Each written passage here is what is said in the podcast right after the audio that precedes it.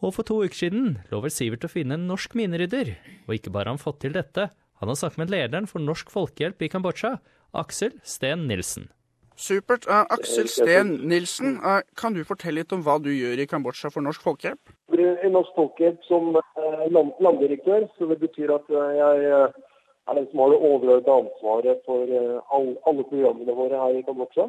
Og det, det vi i Norsk Folkehjelp fokuserer på i Kambodsja, er to forskjellige programmer. En går på å rydde landminer, som fortsatt er et stort problem her i Kambodsja. Og det andre programmet vårt det gjelder å utvikle et bedre demokrati.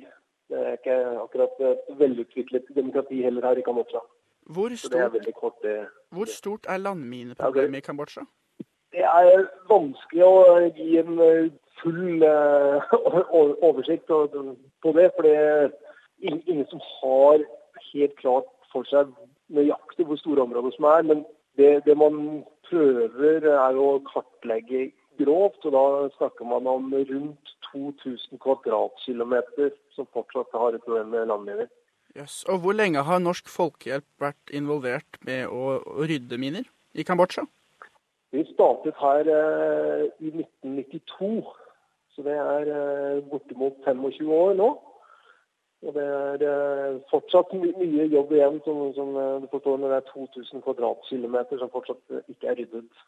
Skjønner. Og Hvordan fungerer dette med lokalbefolkningen? Hvor mange er det som jobber med dere fra Kambodsja kontra nordmenn eller kanskje andre utlendinger? Ja, vi er veldig få utlendinger her. Etter, etter å ha vært så mange år i Kambodsja, så har vi trent opp veldig mange lokale. Så det er nå bare i de, si, de øverste lederstillingene hvor vi fortsatt har, har utlendinger. Så jeg tror vi snakker om ja, antakeligvis 95-98 er eh, lokale mennesker på alle nivåer. Er dette en bevisst strategi at, for at de på en måte skal kunne overta i stor grad selv og fikse problemene selv, eller? Det er en veldig, veldig bevisst strategi som Norsk Folkehjelp bruker i mange land.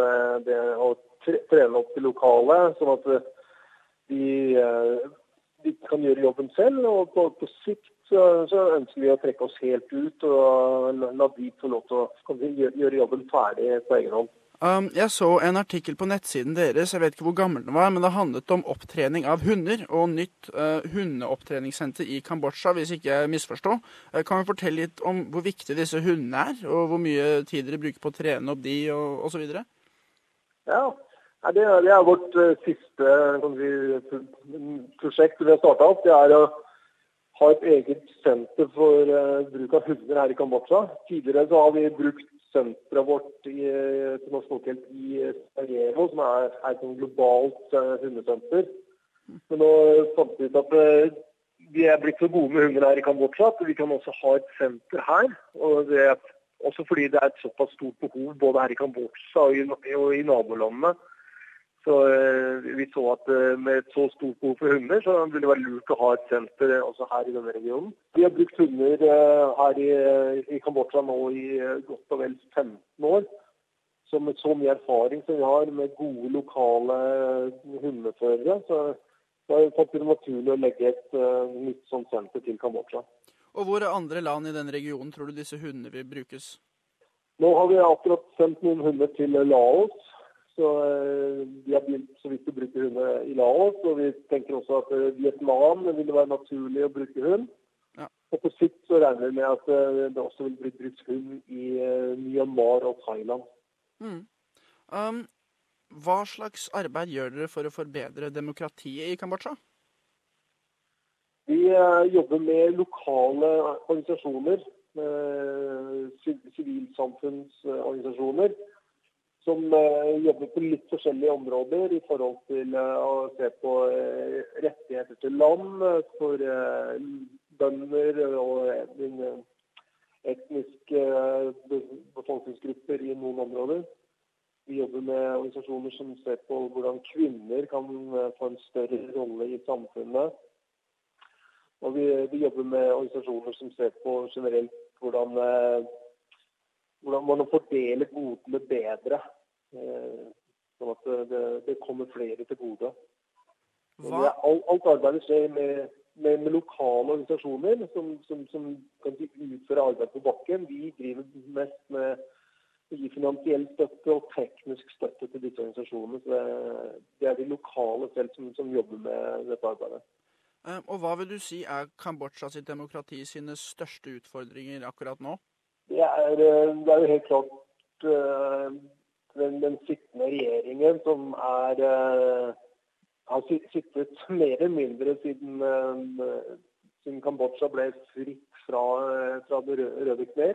De, de har jo tatt kontrollen på alt. De har kontroll på domstoler, de har kontroll på politiet, de har kontroll på, hæren. Det er, ikke, det er ikke de vanlige kan du si, maktprinsippene som, som vi kjenner til fra, fra vårt demokrati. Eh, og da er det veldig vanskelig for både den politiske opposisjonen å eh, få gjort noe med dette, og det er også vanskelig for- sivilsamfunnet generelt sett å forbedre vilkårene for den eh, jevne kambodsjaner. Er det ikke litt farlig å drive med politisk arbeid i Kambodsja mot et sånt regime? For deg som utlending? Jo, det, det, det, er, det er nok litt, litt, litt farlig på den måten at man, eh, man, kan risikere å bli bedt om å forlate landet. Men det er ikke noe, er ikke noe større trussel tror jeg, enn at man, man kan risikere å ikke være velkommen lenger i landet.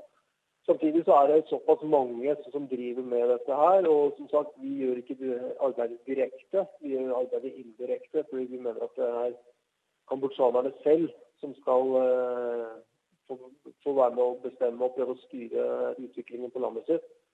Så, så jeg og mine medarbeidere har ikke noen fremtredende rolle så, sånn sett. Så, så ser jeg ikke noe veldig stor fare i det.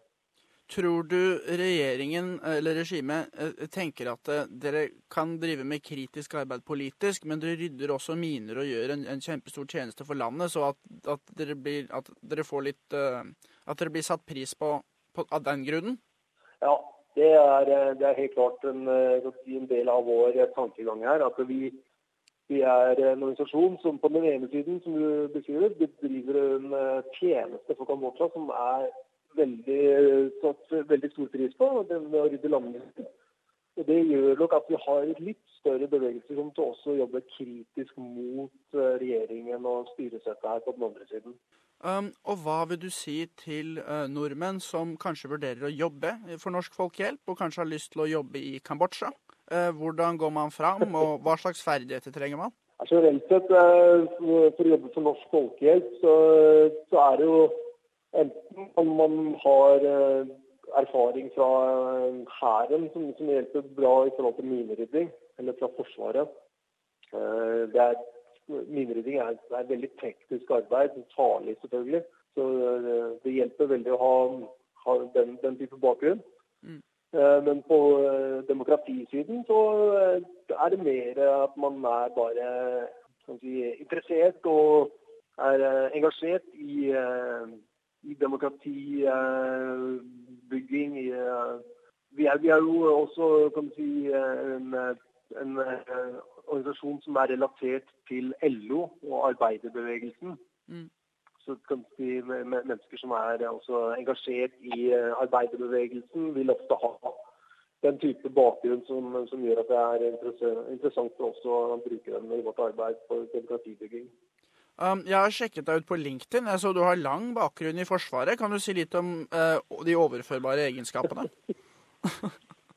Ja, jeg har, jeg hatt en god del år i Forsvaret ja, før jeg begynte å jobbe med minerydding her i Norsk Folkehjelp. Så det er klart at når, man, når man skal drive med et arbeid som er såpass farlig eh, eh, som landminer, eh, man, man, kan, man kan sprenge seg selv i luften, så, så hjelper det veldig å ha den tekniske utdanningen fra Forsvaret som, som gjør at man har eh, har bakgrunn fra hvor, å forstå hvordan man eh, kan ta, ta fra hverandre landminer uten uten at de eksploderer sånn, sånn, sånn som de er ment til. Da, utgangspunktet. Kanskje vanskelig å lære Eh, seg det på fritida?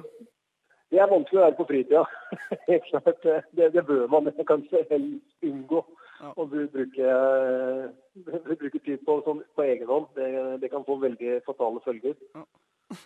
Men eh, det er klart at det også det, Måten vi jobber på er forholdsvis militær når det gjelder uh, operasjonen vår med minerydding.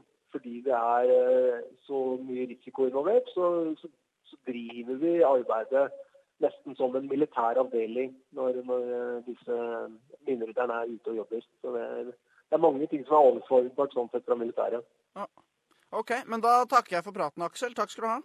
Bare hyggelig, Sivert. Greit, det. Ha det. Du hører på SBS norsk.